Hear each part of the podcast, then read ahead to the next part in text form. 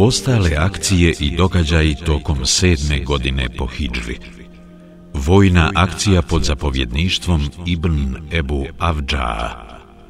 Kada se Muhammed sallallahu alejhi ve sellem početkom mjeseca Zul Hidže vratio u Medinu nakon obavljene umre, na borbeni zadatak poslao je jednu vojnu formaciju koja je brojala 50 konjanika, a koju je predvodio Ibn Ebu Avdža es Sulemi.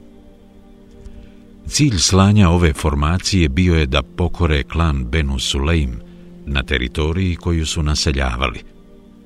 Međutim, pripadnici ovog klana imali su špijuna među muslimanima koji ih je obavijestio o dolasku muslimanske obhodnje sa zadatkom da ih pozovu u islam.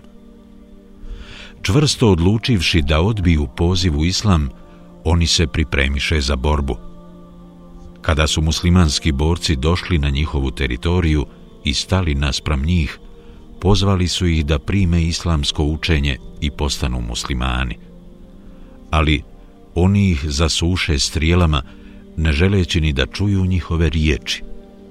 Tom prilikom rekoše, mi nemamo nikakve potrebe za onim u šta nas vi pozivate, te ih i dalje nastaviše gađati strijelama.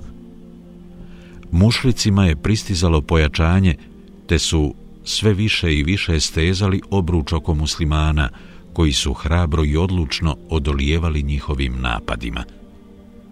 Međutim, na kraju je većina pripadnika ove obhodnje izginula, a njihov je zapovjednik više puta ranjen. Ipak uspio se izvući iz obruča i sa preživjelim muslimanskim borcima vratiti u Medinu. I još nekoliko važnih događaja. Slijedi sažeti prikaz najznačajnijih događaja koji su obilježili sedmu godinu po Hidžri – ne uključujući vojne pohode i obhodnje o kojima je već bilo riječi. Prvo, vjerovjesnik sallallahu alaihi veselem vratio je svoju kćerku Zajnebu radijallahu anha njenom mužu Ebu Asu bin Rebiju i to nakon što je primio islam, tako da su opet postali bračni drugovi.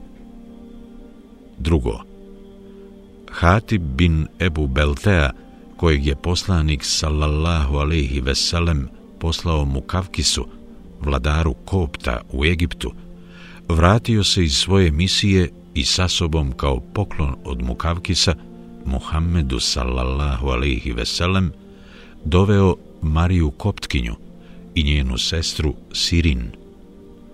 Obje su primile islam na putu ka Medini – Marija će kasnije poslaniku sallallahu alaihi veselem roditi sina Ibrahima.